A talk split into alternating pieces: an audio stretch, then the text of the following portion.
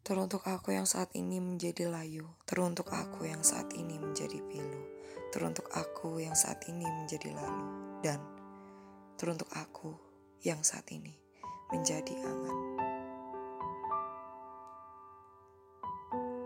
Untuk apa? Untuk apa jika kamu tidak ingin bangun? Dan kamu sadar bahwa duduk sama rendah dan berdiri sama tinggi untuk apa kamu menjadi pilu, layu, lalu, dan angan? Jika kamu masih percaya, badai pasti berlalu.